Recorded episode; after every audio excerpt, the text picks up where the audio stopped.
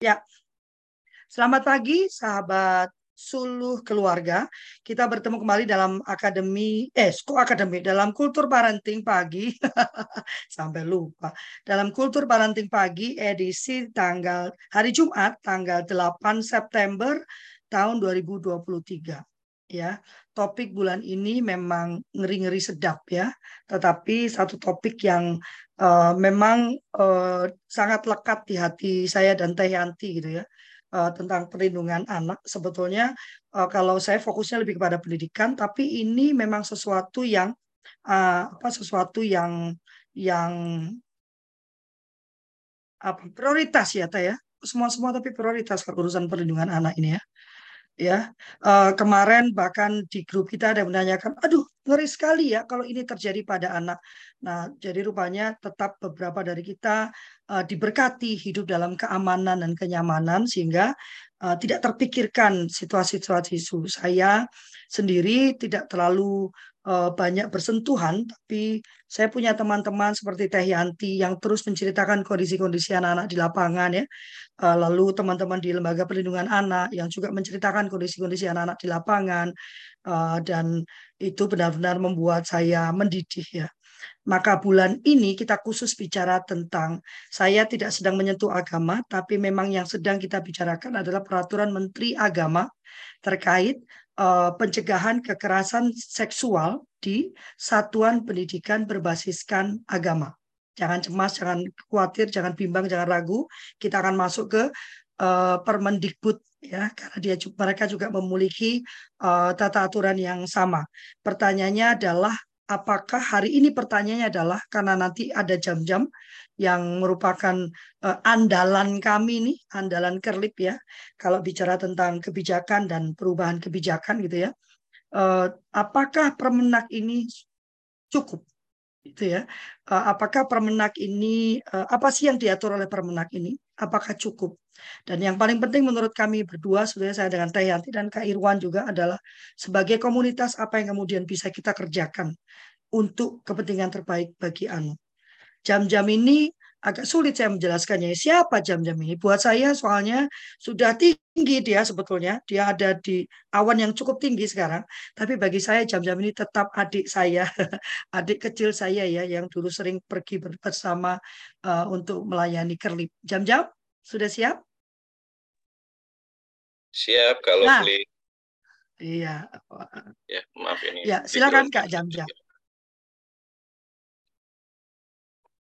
Oke. Siap, siap. Terdengar suara saya kalau Lovely? Ya, kedengaran, kedengaran bagus. Oke. Ya, eh, Bismillahirrahmanirrahim. Assalamualaikum warahmatullahi wabarakatuh. Selamat pagi, Bapak, Ibu, kakak-kakak semuanya. Uh, terima kasih tadi uh, perkenalannya kalau Lovely agak-agak melambung ya. uh, Ya, kami bersama-sama dengan uh, dalam bimbingan Bu Yanti ya dulu untuk belajar lah belajar bagaimana uh, apa terkait dengan perlindungan anak, hak atas pendidikan, uh, perlindungan keselamatan dan lain sebagainya. Uh, saya sebetulnya apa uh, tidak menyiapkan apa paparan secara khusus, tapi kita diskusi saja ya. Uh, ini juga ada Bu Irma uh, dari BAN ya, Bu Irma sekarang di BAN ya, Badan Akreditasi Nasional. Iya Pak. Siap. Uh, ini yang yang uh, me, apa istilahnya sekarang kalau dulu akreditasi kelayakan uh, seluruh satuan pendidikan termasuk uh, tapi termasuk agama nggak ya? Uh, kalau dulu kan ban SM ya termasuk kalau ya, sekarang. sekarang digabung ban PAUD Dasmen. Ban PAUD Dasmen dan seluruhnya termasuk yang di Kemenag ya, ya Iya, betul. Oke, semuanya. Oh, nah, ke mana juga masuk ban sekarang? Dari dulu, Bu. Dari dulu sudah sudah Akreditasinya dari Cuma ban. sekarang jadinya semuanya uh, satu ya. Kalau dulu ada ban PAUD uh, PAUD-NF ya. Sekarang uh, dan dibagi dengan SM. sekarang disatukan. Uh, terima kasih Bu Irma ada uh, Pak Irwan dan kakak-kakak uh, yang lain tadi disampaikan oleh Kak Lovely ini hal yang penting dan memang sudah uh, menjadi perhatian karena sudah banyak terjadi kasus uh, yang di permukaan ya. Laporan-laporan kasus kekerasan itu sifatnya seperti gunung es gitu ya karena banyak faktor yang kejadian-kejadian uh, kekerasan termasuk mungkin yang paling uh, apa paling mengkhawatirkan terkait kekerasan kejahatan seksual ini banyak yang tidak terlaporkan karena banyak faktor ya karena faktor uh, relasi kuasa faktor kondisi uh, ketakutan dan lain sebagainya gitu ya nah makanya uh, mengawali dulu di Kemendikbud di pendidikan tinggi ya. Sebenarnya waktu zamannya Pak SBY ada impres ya terkait dengan penghapusan uh, kejahatan seksual. Uh, impres itu juga uh, apa sebenarnya sudah lebih tinggi ya spesifik gitu menugaskan uh, kementerian para menteri di bawah uh, kabinet untuk semuanya menghapuskan kejahatan seksual. Nah, tapi sampai sekarang uh, kejadian kemarin yang di Bandung gitu ya, bagaimana pimpinan pesantren uh, menjadi pelaku kejahatan seksual, kemudian banyak-banyak kasus lah sebelumnya sudah kita bahas. Kenapa itu masih terjadi gitu ya? Apa yang salah? Uh, apakah kita kurang kurang uh, kebijakan?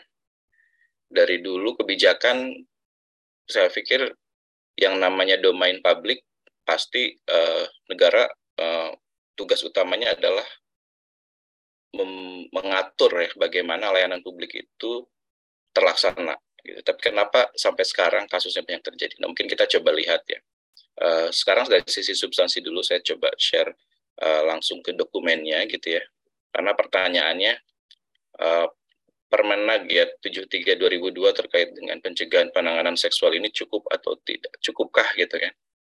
Nah, kita lihat dulu secara substansi. Uh, kalau sebelumnya mungkin Kak Tetri kemarin juga sudah membahas, ini kan ada dua terma ya, pencegahan dan penanganan. Jadi ruang lingkupnya ada di pencegahan dan di penanganan. Uh, spesifik terkait dengan kekerasan seksual di satuan pendidikan agama. Nah, satuan pendidikan agama itu apa saja? Nah, satuan pendidikan agama itu uh, kalau lihat di ini sudah ada turunannya ternyata dari Permenag 73 2022 itu turunannya adalah ada keputusan Menteri Agama nomor 83 tahun 2023 tentang pedomannya. Ini yang uh, sebelumnya uh, Bu Yanti sampaikan sedang disusun pedomannya dan sudah keluar ternyata dari sejak Januari. Tapi ini pedoman penanganannya. Jadi yang lingkup pendidikan agama ada madrasah pesantren, satuan pendidikan keagamaan Islam, uh, ada pendidikan satuan pendidikan keagamaan Kristen, Katolik, Hindu, Buddha, Konghucu, perguruan tinggi keagamaan. Jadi uh, dalam lingkup sembilan satuan pendidikan ini. Nah, kita kembali ke ruang lingkup penanganannya. Ruang lingkup penanganan dari uh, pencegahan kekerasan seksual apa pencegahan penanganan kekerasan seksual ini segala bentuk kekerasan yang ada kekerasan seksual yang ada di satuan pendidikan itu kita ingin mencegah dan menangani bagaimana menegakkan hukum dan merehabilitasi pelaku kemudian bagaimana mewujudkan lingkungan satuan pendidikan tanpa kekerasan seksual dan menjamin ketidakberulangan ini kan norma ini yang ingin diatur melalui Permendag ini gitu ya. Jadi ada empat. Nah, uh, kemudian kita lihat dari sisi substansi uh, siapa yang tadi dilakukan pencegahannya itu. Kalau tadi satuan pendidikannya melingkupi ada warga satuan pendidikan. Jadi kepada siapa sih pencegahan? Kita mencegah kekerasan seksual itu kepada siapa? Peserta didik, pendidikan, kependidikan, pimpinan satuan pendidikan, penyelenggara satuan pendidikan, pemangku kepentingan terkait lainnya.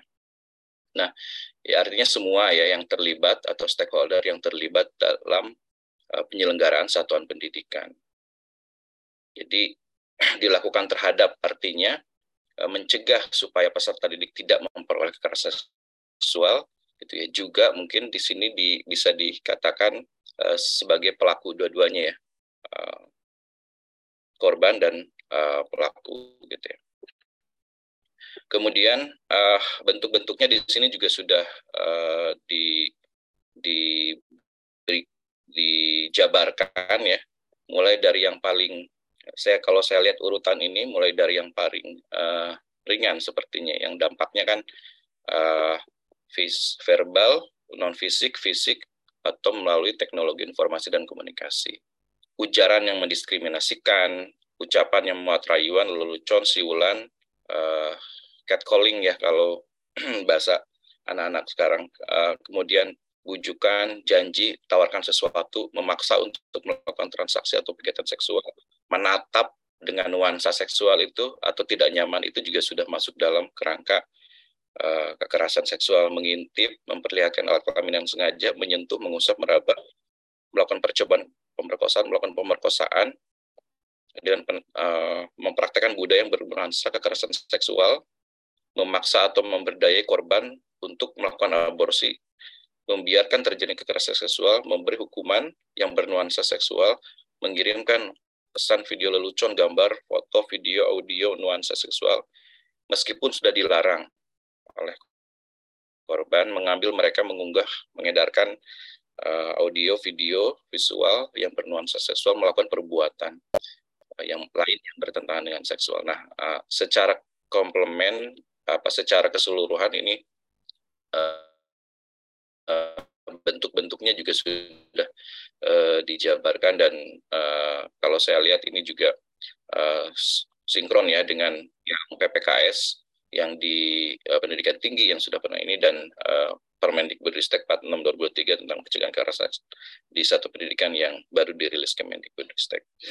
Nah, uh, ini dibagi nanti ada pencegahannya, ada penanganannya, kemudian uh, nanti juga ada pelaporan dan sebagainya. Pencegahannya itu ini banyak uh, tugasnya satuan pendidikannya. Jadi kalau saya lihat satuan pendidikan itu cukup uh, lebih berat bebannya ya dalam melakukan uh, pencegahan ini gitu dibandingkan stakeholder yang lain. Uh, jadi ada sosialisasi, pembelajaran, tata kelola, penguatan budaya, kegiatan lain yang sesuai dengan kebutuhan. Itu yang harus dilakukan oleh uh, satuan pendidikan.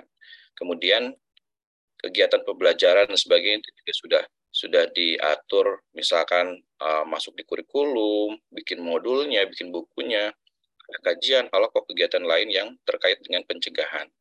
Gitu. Ya. Kemudian juga harus bikin SOP pencegahan, ada sarana prasarana uh, yang uh, sesuai dengan kebutuhan untuk pencegahan, kegiatan-kegiatan pengenalan lingkungan, pengembangan jaring komunikasi dan sebagainya dan itu banyaknya uh, dibebankan kepada satuan pendidikan dan juga untuk melaksanakan itu satuan pendidikan itu harus koordinasi dengan KL, Pemda, perguruan tinggi, satuan pendidikan lain, masyarakat orang tua. Jadi core-nya di sini memang uh, bisa dibilang satuan pendidikan ini harus banyak melakukan pusatnya ya, pusatnya untuk melakukan pencegahan dan penanganan itu. Uh, bayangkan uh, di sini Bapak Ibu sebagai kepala sekolah atau sebagai guru yang melakukan ini semua. Nah, kemudian di bagian penanganan, penanganan ini mulai dari pelaporan, perlindungan, pendampingan, penindakan, pemulihan. Nah, siapa yang melakukan penanganan ini? Pelaporan itu kan bisa dilakukan uh, siapa pun ya pelapor ini siapa pun menyampaikan terjadi kekerasan secara lisan tertulis baik langsung tidak langsung kepada siapa?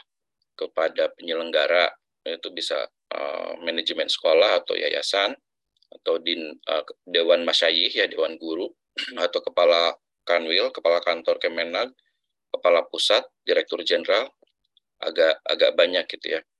Nah di sini uh, satuan pendidikan yang mendapatkan laporan itu harus melakukan klarifikasi satu kali 24 jam sejak laporan itu diterima. Sejak laporan itu diterima, artinya satuan pendidikan itu harus melakukan uh, klarifikasi ya. Klarifikasinya itu apa? Pelapornya siapa? Ada saksinya atau enggak? Korban terlapor pihak uh, lain terkait siapa? Jadi lumayan juga ya beban dari uh, satuan pendidikan ini. Nah kemudian kalau itu terbukti, artinya klarifikasinya itu sudah benar apa yang dilaporkan itu, maka langsung uh, satuan pendidikan itu harus melaporkan ke aparat penegak hukum. Jadi SOP-nya itu kalau mendapatkan laporan dari pelapor siapa pun itu uh, diklarifikasi satu kali 24 jam, kemudian penegakan hukum.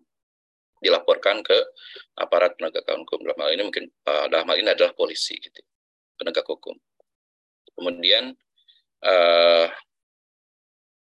si selain uh, memperoleh laporan menindaklanjuti laporan dan dengan dalam bentuk klarifikasi dan pelaporan ke penegak hukum satuan pendidikan itu juga harus melakukan pel, pe, pelindungan, upaya melakukan pelindungan, melindungi siapa? Korban, saksi, pelapor, anak yang berkonflik hukum atau anak sebagai pelaku, kalau pelakunya adalah anak.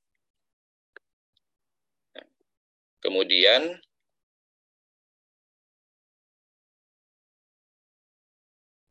pelindungan apa saja yang dilindunginya, mulai dari identitasnya harus dilindungi, hak fasilitas pelindungan disediakan, kemudian akses terhadap informasi pelindungan dan lain sebagainya sampai kepada uh, kalau itu dilakukan oleh anak gitu ya uh, perlakuannya harus secara manusiawi, keberlanjutan pendidikannya jangan sampai terputus dan sebagainya.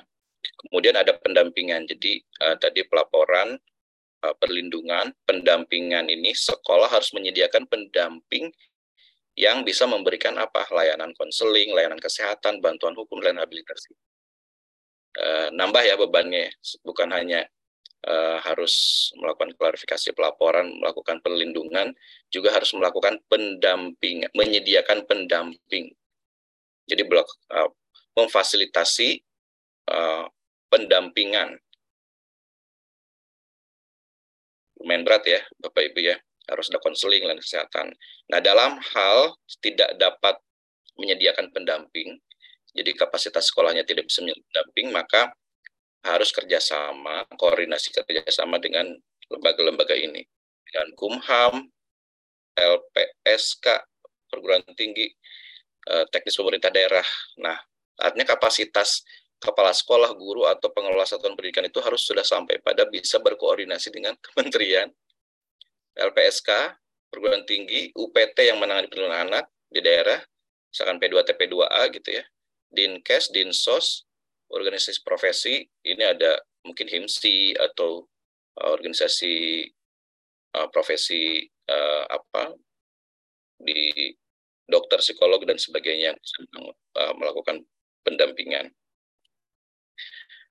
uh, LPA berbasis masyarakat gitu ya, lembaga pelindungan anak berbasis masyarakat, organisasi masyarakat keagamaan, uh, NU Muhammadiyah, kemudian ada persatuan gereja dan lain sebagainya gitu ya, yang bisa di, uh, diminta bantuan untuk menyediakan pendampingan kepada korban maupun saksi gitu ya.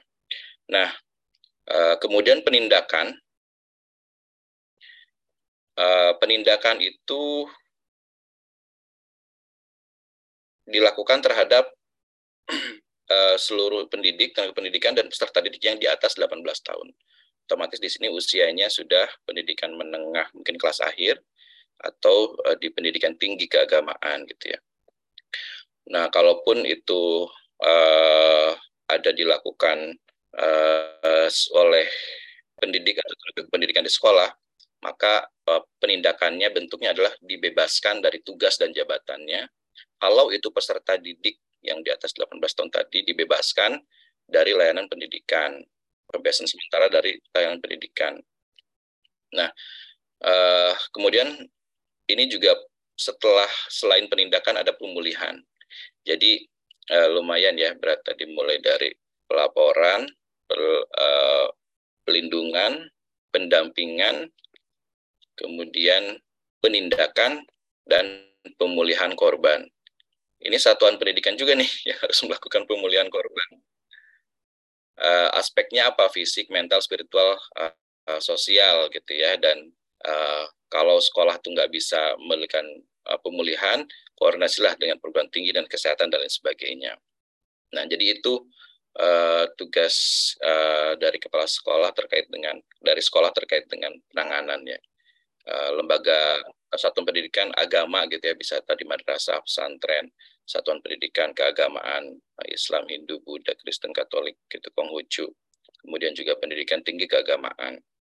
Nah, uh, pelaporan ini uh, jadi satuan pendidikan lagi harus melaporkan pelaksanaan pencegahan penanganan, artinya secara keseluruhan baik upaya pencegahannya maupun upaya penanganannya kepada uh, jajaran ini nih penyelenggara. Kalau negeri itu Kemenag, gitu ya. Kalau swasta itu ke yayasan, sampai ke menteri berjenjang gitu ya. Artinya mungkin kalau satuan pendidikan cukup lah ke ke kantor atau kanwil mungkin ya.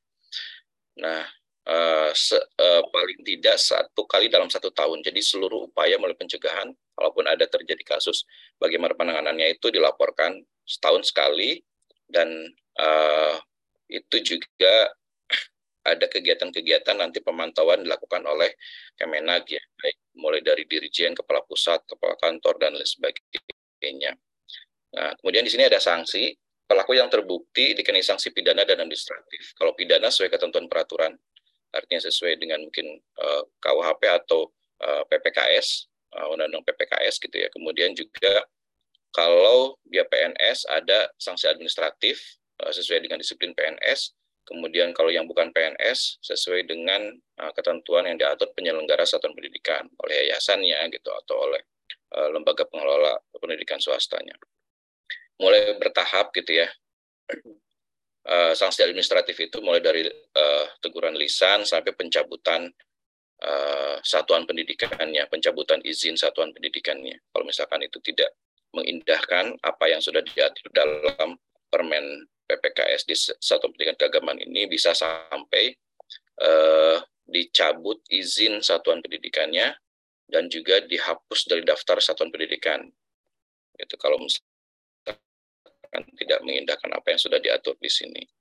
Nah, kemudian norma turunan yang kedua uh, adalah uh, tadi ya Kepmennya, keputusan menterinya untuk uh, penanganannya, keputusan menteri untuk uh, SOP penanganan itu sudah ada. Nah, itu dari sisi substansi. Kalau di, di, di, disampaikan, apakah itu cukup mengatur? Uh, tadi kita lihat bebannya itu uh, banyak di satuan uh, uh, pendidikan ya. Jadi uh, banyak di satuan pendidikan. Terlihatkah? Ini uh, saya baru coret-coret barusan. Uh, jadi dua hal tadi itu yang sudah ada uh, permennya sama capmennya. Nah, kalau ditanya apakah cukup gitu ya, uh, secara substansi mungkin cukup. Uh, tapi memang tadi bebannya adalah karena permen itu uh, utamanya mengatur satuan pendidikan, maka beban dari satuan pendidikan itu uh, kita lihat apakah uh, fair enough gitu ya untuk bisa uh, goalsnya adalah tidak terjadi kekerasan atau uh, apa kasus yang sudah terjadi itu ditangani dengan benar gitu ya. Nah, saya coba ngambil satu konsep uh, satu aja gitu ya, strategic triangle-nya dari Mark Moore uh, terkait dengan public policy implementation uh, atau uh, terkait dengan uh, public policy gitu ya, bagaimana domain uh, implementasi kebijakan itu di mana saja. Ini juga pernah disinggung minggu kemarin. Nah, mulai mungkin uh, dari uh,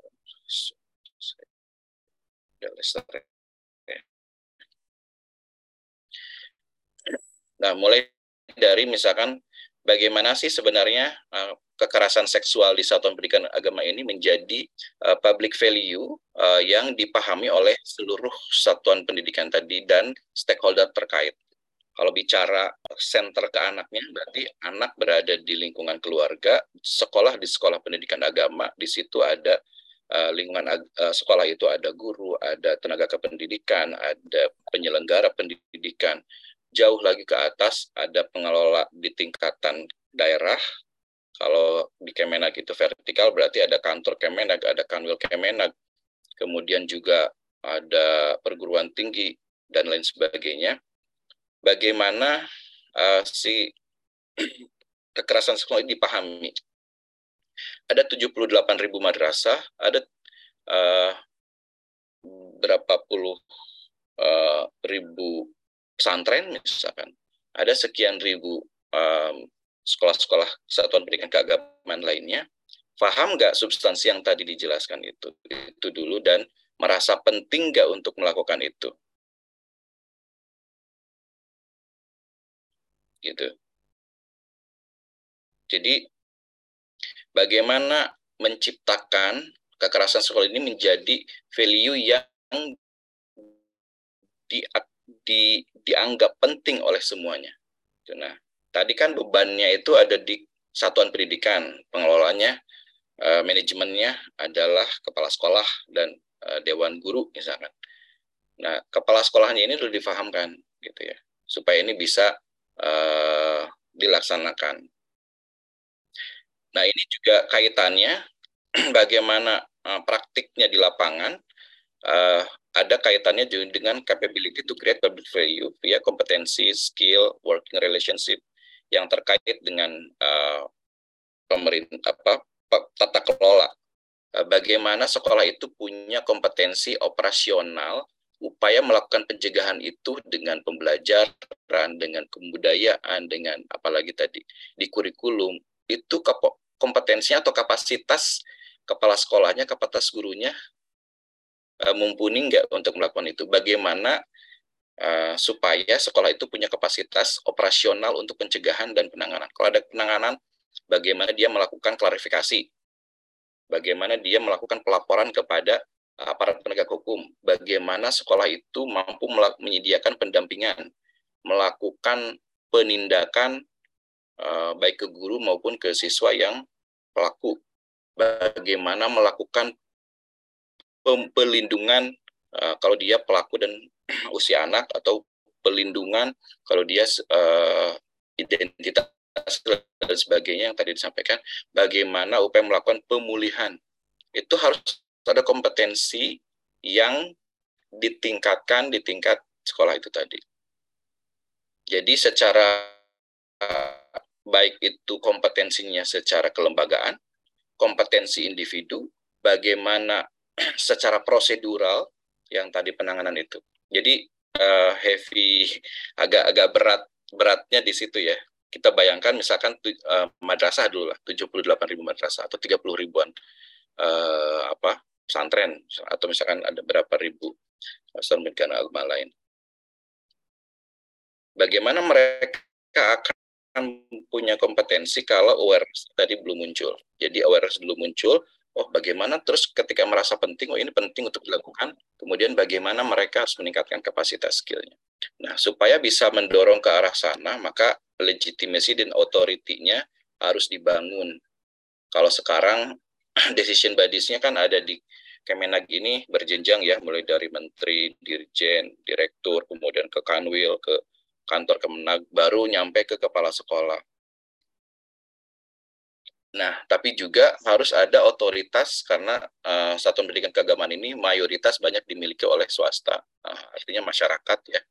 Support dari uh, citizen ya, netizen, citizen, warga negara kita, misalkan uh, bapak ibu yang uh, di masyarakat, orang tua, keluarga sebagai penikmat layanan satuan pendidikan keagamaan itu juga harus memberikan dukungan.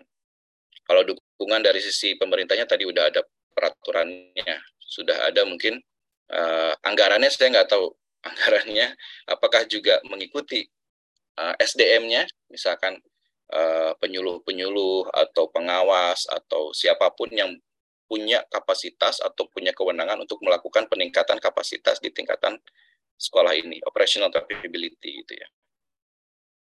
Nah, baru nanti bisa secara praktikal kita bisa lihat dianalisis bahwa kebijakan ini implementatif atau tidak dengan beban yang tadi.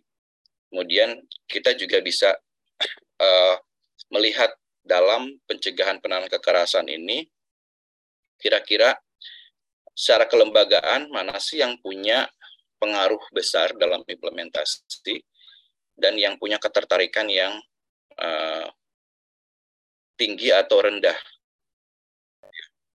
sehingga kita bisa memetakan kalau uh, seluruh keluarga misalkan atau bapak ibu di sini yang uh, punya interest dalam mengkampanyekan, mengadvokasi bagaimana ini bisa terlaksana. Mungkin kita coba dulu petakan secara kelembagaan siapa aja nih yang punya pengaruh uh, besar di sini.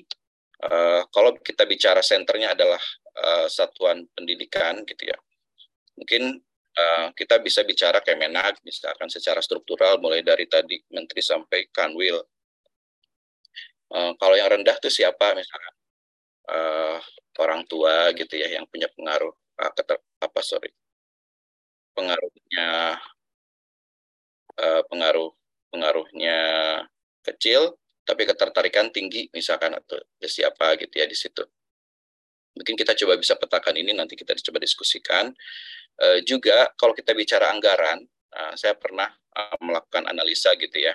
Anggaran-anggaran yang terkait dengan anak itu di kita itu seperti apa sih sebenarnya gitu ya. Gitu ya. Ada dulu kita bicara anggaran yang khusus uh, terkait dengan perlindungan anak. Artinya memang sasarannya itu adalah langsung gitu ya sasarannya ke anak atau kesatuan atau ke lembaga yang memberikan perlindungan atau pemenuhan hak anak. Ada anggaran yang sifatnya layanan fasilitasi, ya rapat koordinasi, pelatihan, apalagi tuh bikin uh, bikin regulasi, itu anggaran yang sifatnya fasilitasi gitu. Jadi yang disasar bukan langsung anak tapi memang dia meningkatkan kapasitas layanan P2TP2A-nya atau sekolah ramah anaknya ditingkatkan atau apa lagi. Anggaran satu lagi anggaran yang relevan gitu ya, yang yang hanya colek-colek saja gitu ya terkait dengan kalau kita bicara perlindungan kekerasan itu uh, ya apa gitu ya. Nah, ini uh, bisa kita dorong juga. Nah, tapi dalam konteks keluarga mungkin coba kita uh, kita coba diskusikan dulu untuk bisa melakukan advokasi siapa sih yang kita bisa dorong supaya implementasi PPKS-nya ini bisa uh, efektif atau bisa memberikan dampak yang cukup positif gitu dalam implementasinya. Nah, kalau dibilang cukup, kita kembali kepada uh, apa?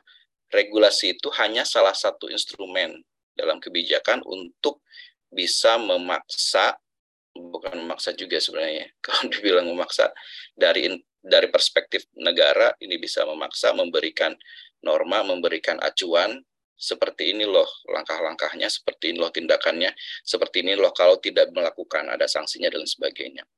Tapi dalam goals kita ingin ada uh, ada menghilangkan kekerasan seksual tentu banyak faktor yang tadi mulai dari bagaimana sih semua pihak ini merasa kekerasan seksual ini menjadi penting untuk dicegah dan ditangani dan bagaimana kapasitas pelaksana di, tingkat yang paling front apa uh, paling depan untuk melakukan layanan. Ada guru ada kepala sekolah dan ada orang tua keluarga gitu kalau kita bicara di lingkungan keluarga. Itu operational capacity juga gitu ya. Mungkin itu dulu kak Lovely. Jadi kalau dikatakan cukupkah uh, dari sisi regulasi cukup, tapi dari sisi implementasi kebijakan sampai kita bisa menghasilkan goals penghapusan, saya kira banyak faktor yang perlu kita tingkatkan, kita benahi, kita siapkan gitu ya. Mungkin itu dulu, uh, silakan mungkin kalau kita ingin diskusikan.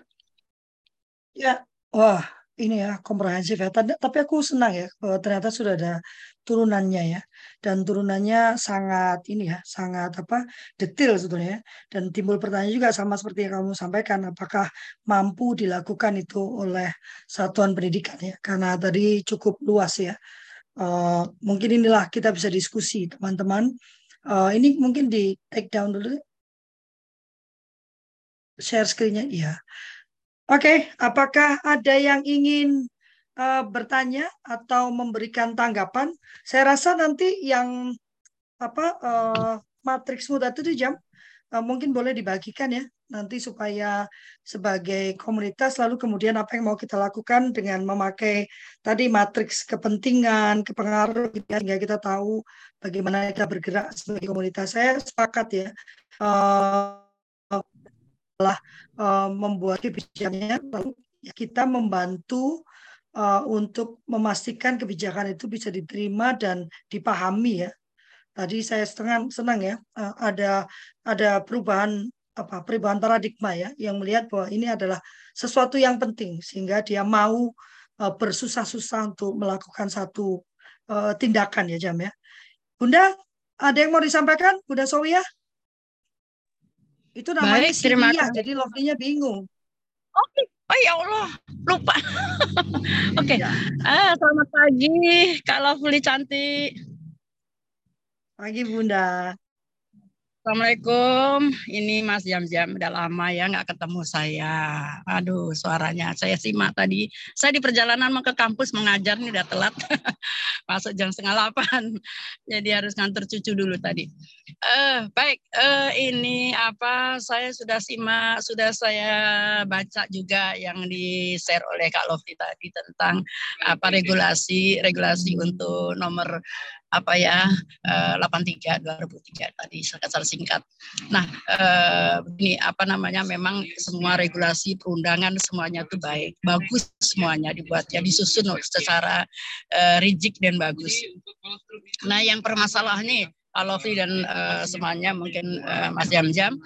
Implementasi di lapangan ini nggak semua orang nggak semua orang piwa, pia, piawai. Artinya gini uh, bisa mempengaruhi mengedukasi gitu. Dirinya sendiri pun kita harus siap itu. Itu yang pertama nggak semua orang bisa mengedukasi atau memberi advokasi kepada orang lain sehingga sekolah atau satuan pendidikan pada rasa sekolah itu paham. Karena apa? Saya sebagai pasnas yang sekarang SK-nya sudah habis ya, SRA. Nah, itu pun saya lama untuk memahamkan orang-orang yang saya dampingi sebagai uh, satuan pendidikan ramah anak walaupun itu juga sudah terstandarisasi. Nah, ini. Jadi kalau tadi ditekankan kepada sekolah begitu berat memang berat karena manusia untuk mengubah mindset itu lama betul loadingnya lama gitu ya.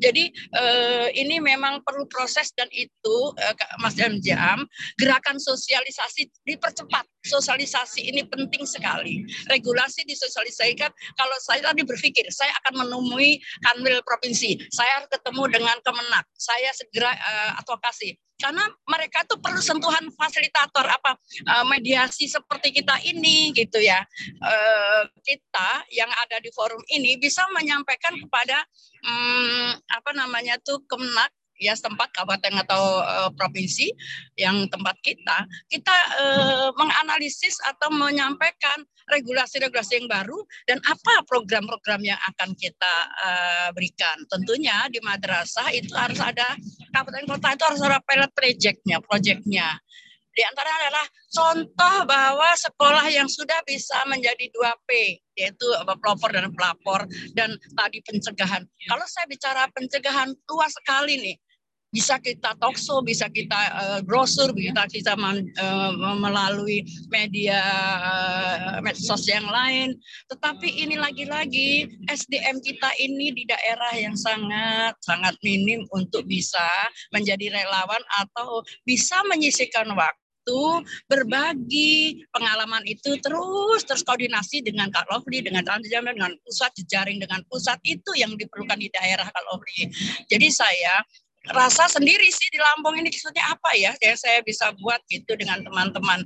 Saya tertarik sekali ini mungkin kalau nanti bisa share lagi apa yang diberikan Mas Jam-Jam tadi, PPT-nya apanya kita dalami lagi, kita diskusi lagi. Mungkin Zoom khusus malam hari silakan berapa orang uh, yang bisa kita langsung tindak lanjuti. Jadi dari bincang pagi ini bisa di follow up lagi, bisa ditindaklanjuti, saya akan bergerak. Seperti itu Kak Mas Jam. Jadi memang eh, yang susah itu adalah implementasi karena SDM-nya ini yang perlu sekali disentuh gitu ya.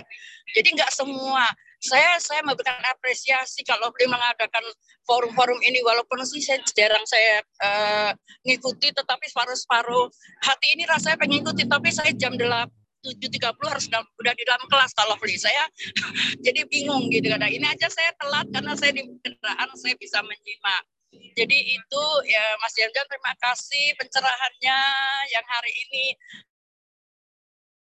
Saya pengen diberi suka apa ya uh, amunisi lagi lah. Biar saya ini bisa apa semangat lagi. Informasi-informasi apa uh, kebijakan apa Mas Jam karena saya terus terang aja sekarang saya sedang menangani pelecehan seksual anak KBK.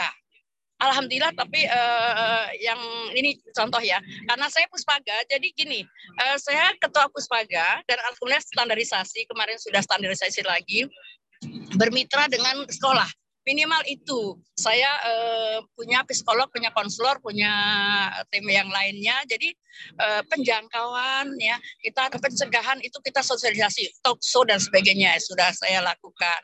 Uh, terus kita uh, ada rujukan. Jadi anak ini dirujuk ke mana bagaimana dan sebagainya. Alhamdulillah sudah selesai. Contoh yang minggu kemarin uh, dua minggu yang lalu itu saya penjangkauan itu anak-anak yang uh, anak yang korban seksual kekerasan seksual. Tapi uh, apa namanya uh, pelakunya sudah dipenjara tujuh tahun. Tetapi ada hal bahwa masyarakat itu belum paham. Masyarakat sangat minim tentang uh, apa namanya hukum terhadap anak-anaknya ini. Nah ini yang menjadi uh, apa fokus kita uh, apa namanya bagaimana sih SDM kita harus bisa apa namanya Mas Jamzam punya PR besar nih. Daerah-daerah harus punya punya orang Bu Yanti seperti mungkin saya mungkin Kak Lovely gitu. Daerah harus punya itu gitu loh. Jadi saya mimpi sekali. Kak Lovely juga suatu saat saya usung ke Lampung deh ke, ngomong gitu loh maksud saya dengan perempuan-perempuan gitu. Dengan saya temukan dengan ibu wali kotanya ibu istri wali kota dan sebagainya insya Allah PR saya PR besar ini. Kan apa? Kita perempuan harus harus kuat di situ meyakinkan bahwa uh, apa kok kontribusi kita ini apa gitu loh. Nah ini. Terima kasih. Assalamualaikum warahmatullahi wabarakatuh.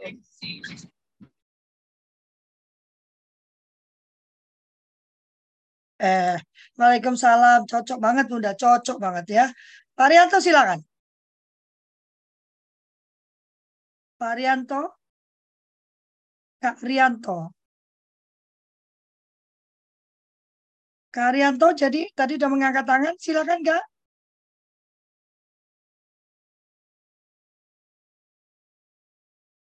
Oke mungkin tadi mengangkat tangan maunya tepuk tangan mungkin kali ya. Karena bersemangat mendengar. Ya saya sepakat. Dan memang uh, uh, tujuan akhirnya nanti bunda uh, setelah kita mendengarkan dari banyak pihak kita akan mencoba menyusun apa nih sebagai komunitas yang perlu dilakukan. Tadi saya sudah senang ya. Jadi beberapa tadi bunda mengatakan perlu uh, apa uh, berat uh, usah menciptakan Yanti-Yanti baru ya berat Yanti kan agak-agak gimana gitu ya. Uh, saya aja tidak mampu mengikuti dia ya. Tapi mungkin saran dikit Kak Loli. Nah, tadi sudah diberi Kak, Kak silakan Kak. Uh, jadi masalah yang kita bahas ini memang sensitif dan memang lagi marah ya sekarang ini ya. Tapi kita tidak usah uh, khawatir karena memang jalur daripada di pemerintah itu sudah jelas ada tinggal kita membuat eh, kalau ini terjadi di sekolah kita kan di dinas PPA itu kan ada alur untuk penanganan masalah ini. Termasuk juga di kepolisian ya. Sudah ada itu. Jadi tinggal eh, kita bagaimana mensosialisasikan di sekolah baik pesantren maupun eh, sekolah madrasah untuk hal-hal ini. Jadi alurnya itu dari kejadian di sekolah itu nanti langsung ke PPA. PPA itu langsung connect ke polisian itu. Jadi memang ada membidangi bidang ini.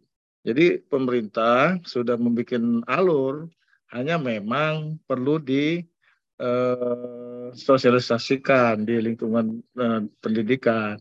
Jadi di dinas PPAPM itu memang memiliki bidang khusus untuk permasalahan ini itu dia konektivitas dengan uh, kepolisian maupun di kejaksaan ini khusus.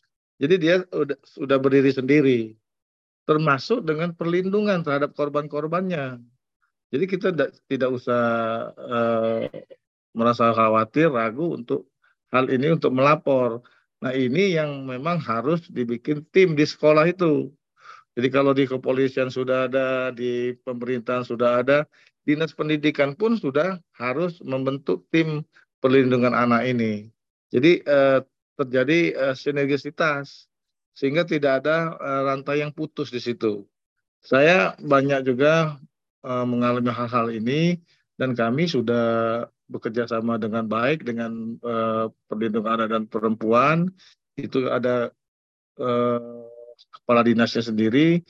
Eh, di kepolisian ini juga ada bidangnya sendiri dan ini uh, sudah banyak menyelesaikan permasalahan-permasalahan ini. Jadi kita komunitas-komunitas yang ada terutama yang di grup ini juga harus sering berkoordinasi dengan bida-bida yang tadi. Hanya memang uh, belum banyak masyarakat yang tahu bagaimana mengakses daripada badan-badan uh, yang sudah uh, melakukan perlindungan terhadap anak dan perempuan ini. Saya rasa itu sudah tinggal kita mungkin melalui Kak Lopri dan teman-teman yang lain untuk uh, sekali-sekali mengajak uh, PPA dan PPM ini untuk kita berdiskusi termasuk di kepolisiannya juga. Ini ada bidang-bidang yang menangani itu. Saya rasa uh, tidak usah khawatir. Selagi kita ada kemauan, insya Allah itu akan bisa uh, menjadi lebih baik. Dan kita sebagai pemerhati pendidikan, termasuk perlindungan anak dan perempuan, juga tidak bosan-bosan harus uh, mensosialisasikan ini ke lingkungan dinas pendidikan dan uh, mengajak orang tua untuk ayo menjadi penggerak pelapor dan pelopor tadi. Saya rasa itu. Terima kasih Mbak Loli. Terima kasih Pak Karyanto. Ya, memang uh, alurnya sudah ada. Sayangnya Pak Arianto paradigma berpikirnya yang belum gitu ya. Di dalam lembaga perlindungan anak itu justru kesulitan kami itu di pihak-pihak yang tadi Bapak sebutkan gitu. Uh, penyumbatnya justru di situ gitu ya. Uh, uh, tidak mau mengurus atau keberpihakannya itu masih sangat belum berpihak pada korban. Perlindungan anaknya juga belum benar-benar dilakukan karena ada Sebenarnya kalau kita bicara tentang perlindungan anak itu ada ada aturan-aturan khusus ya terkait penerimaan pelaporan, siapa yang bertanya, ruang pertanyaannya itu sudah ada aturan khusus. Nah, sayangnya saya sepakat dengan Jamja ya, karena belum dianggap sebagai sesuatu yang penting gitu ya. Jadi separuh hati. Silakan Tayanti. Assalamualaikum warahmatullahi wabarakatuh. Terima kasih nih eh, jam-jam anak kita nih udah uh, ke mana-mana ya uh, terkait Ini dengan. mau ke mana? Di mobil aja. Ah ya ini uh, nemenin tim YSKI Kampar ke arah Bandung Selatan. Uh, Salam ya.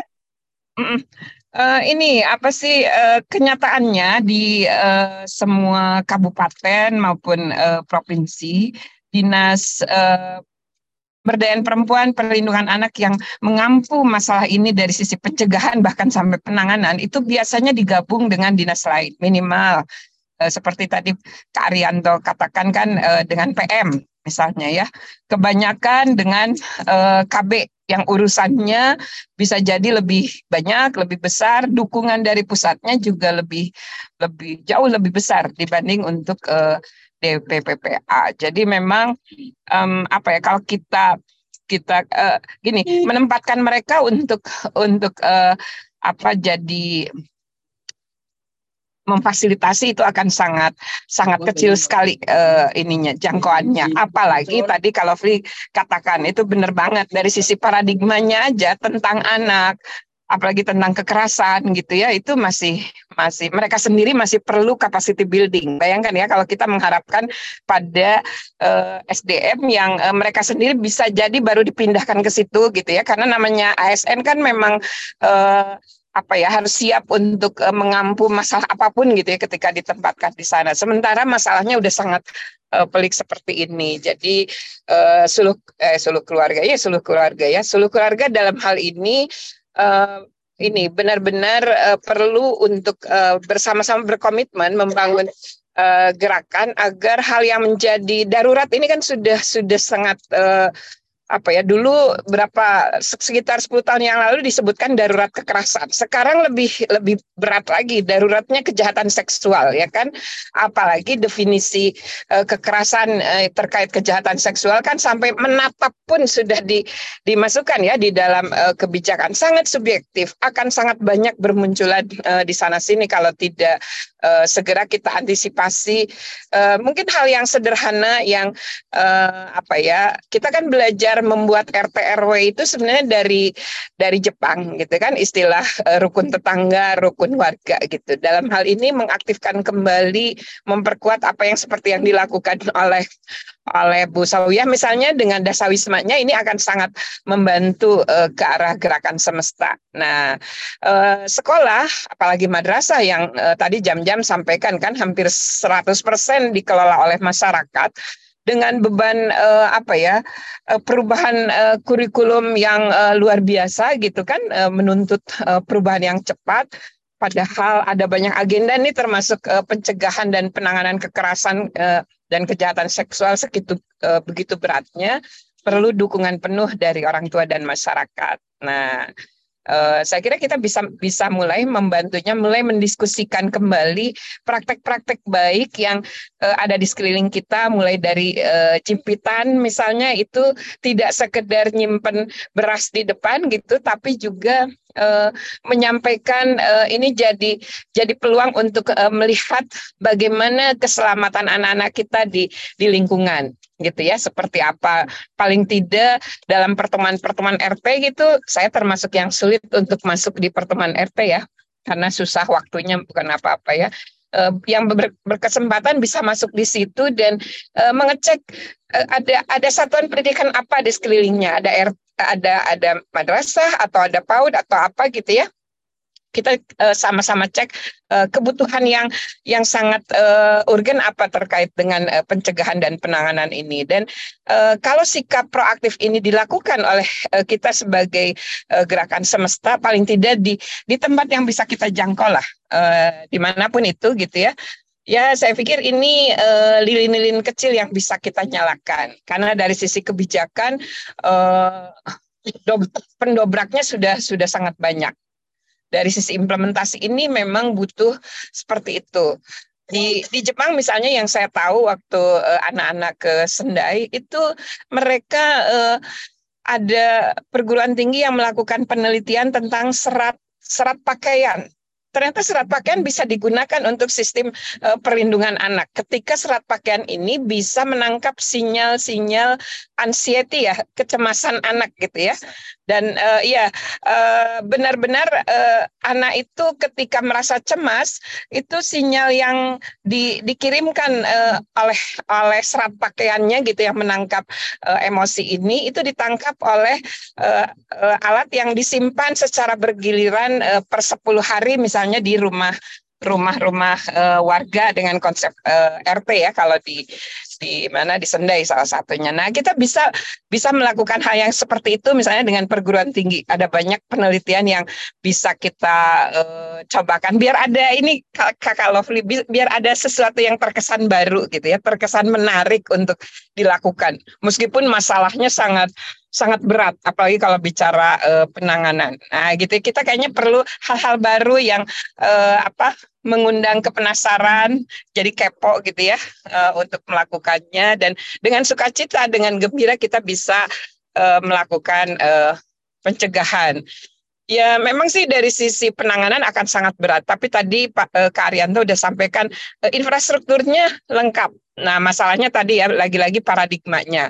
Nah, ini eh, cara cara terbaik yang bisa kita lakukan saat ini eh, banyak menyuarakan hal ini. Ini salah satunya yang kita lakukan melalui kultur parenting pagi ini ya, kalau ya. Terima kasih. Ya, uh, Teh, yang itu aja nanti aja teh minggu ke apa minggu keempat teh. Teh ada semangat. Saya setuju sekali. Memang uh, kadang kita tuh mikirnya terlalu rumit ya teh ya. Berpikir yang rumit sekali. Tapi kita mulai dari langkah kecil sebetulnya itu yang Betul. yang paling penting ya. Kita mulai dari diri sendiri, keluarga, bergerak ke lingkungan, baru bergerak ke itu kenapa fokus kami adalah pada keluarga ya ke kultur parenting atau uh, uh, suluh keluarga itu fokusnya pada keluarga. Kak Zam-Zam masih ada kah? Jam-jam. Uh, uh. Kak Jam-Jam masih ya, ada? Halo, halo. Silakan Kak sambil sambil menutup ini sudah 8 lebih 7 saya tahu pasti dirimu sudah penuh dengan agenda ini hari ini. Ya siap, kalau Fli. Uh, terima kasih. Uh, mohon maaf sambil sarapan nih tadi.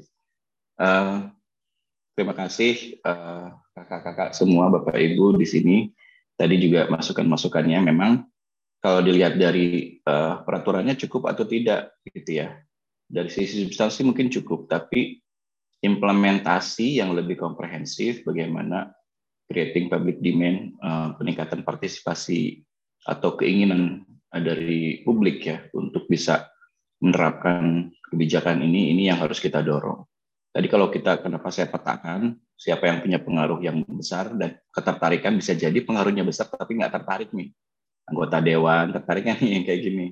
Atau siapa uh, para para siapa para pengusaha tokoh masyarakat tertariknya uh, dia punya pengaruh besar tapi tertarik atau enggak gitu. Jadi mungkin yang ketertarikannya rendah dan punya pengaruh besar itulah yang kita advokasi untuk bisa mempercepat.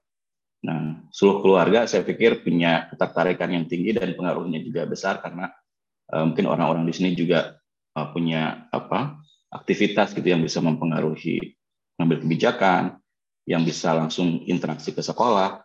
Nah, kalau saya ya saya bilang apa yang bisa dilakukan dalam lingkup pengaruh teman-teman uh, karena muatannya banyak di sekolah, perbanyaklah turun tangan ke sekolah gitu ya perbanyaklah uh, meningkatkan kapasitas dengan kepala sekolah guru meningkatkan awareness uh, bisa dengan ngobrol bisa dengan uh, apa uh, ya datang silaturahmi dan sebagainya itu itu dulu mungkin kalau Fli terima kasih Bapak Ibu sudah uh, membersamai menyimak uh, mudah-mudahan uh, kegiatan Bapak Ibu hari ini lancar dan diberkahi oleh Allah Subhanahu wa taala.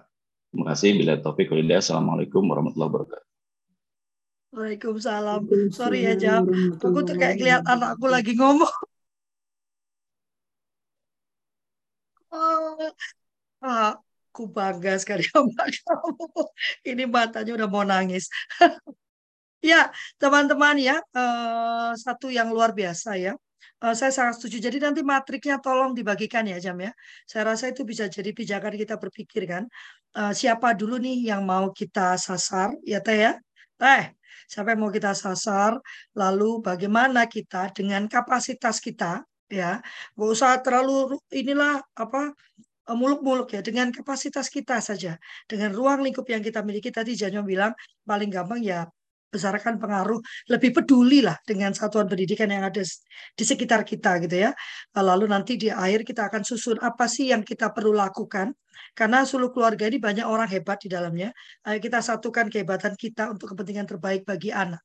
Ya, uh, kita akan berfoto sambil saya menutup. Silakan dibuka kameranya, diberikan hatinya, ya hati gambarnya doang, nggak usah sampai ke hati yang asli. Hai Kak Dani, aku mau ke Puri Mall hari ini. Kamu ada di, di sana nggak? Enggak, hari ini lagi ya? tidak ke sana. Ke Plaza Senayan. Lagi di mana? Oke, silakan diberikan hatinya. Saya akan foto. Ah, Kak Irwan. Ya, uh, kita akan lanjutkan ya. Eh, teman-teman, uh, saya masih belum mendapatkan narasumber dari Satuan Pendidikan Hindu. Uh, Buddha juga kemarin belum dapat ternyata ya. Juga dari Islam ya. Saya belum mendapatkan narasumber dari Satuan Pendidikan Muslim ya. Kalau teman-teman punya uh, apa punya referensi yang bisa diusulkan, silakan menghubungi saya langsung ya. Buddha, Hindu, dan Muslim. Ya ini saya belum dapat uh, pembicara. Karena selalu bilang kalau Fli ini sangat sensitif ya berarti ya. Oh iya hmm. sangat sensitif dan sangat perlu karena ini sudah darurat tadi kata Tayanti ya darurat kekerasan seksual. Dan saya tidak merujuk pada satu agama tertentu saya bicara keseluruhan satuan ya. pendidikan berbasiskan ya. agama ya. Jadi jangan takut ya. Ya terima kasih banyak atas kehadirannya Terima kasih sudah membersamai kami ya eh, dan kami atas nama kami berlima saya memohon maaf yang sebesar-besarnya apabila ada pernyataan, perkataan, sikap atau gestur yang kurang berkenan. Kami tidak ingin memojokkan, tidak ingin merendahkan, tidak ingin menghakimi, bahkan juga bukan bermaksud menggurui, kami hanya ingin membagikan apa yang menjadi keyakinan kami dan yang paling penting adalah yang kami usahakan, kami kerjakan dalam kehidupan kami sehari-hari. Terima kasih banyak kita ketemu hari Senin dengan Satuan Pendidikan Katolik ya itu sudah ada pembicaranya. Jam 7 pagi kita akan dengarkan perspektif satuan pendidikan, satuan pendidikan, lalu kita akan duduk bersama bersama saya dan Tayanti untuk menyusun apa yang akan kita kerjakan sebagai sebuah komunitas. Hai Kani Kade, wah baru sekali ini ketemu suaminya nih, suaminya ya? Suaminya kan? Ternyata bukan, aku udah asal ngomong suaminya aja. Salam kenal Bapak Ibu ya. Terima kasih banyak. Wassalam wassalamualaikum warahmatullahi wabarakatuh. Tuhan Waalaikumsalam warahmatullahi wabarakatuh. Kak Irma, salam kenal. Kak Irma, salam kenal ya. Saya biasanya dengan Pak El. Pak El. Jam-jam sehat jam, makasih. Jam-jam. Aduh. Wah. Ya, makasih. Esther, makasih. Kak Tetri. Terima kasih Pak Bu Nikade, terima kasih. Ibu. Iya.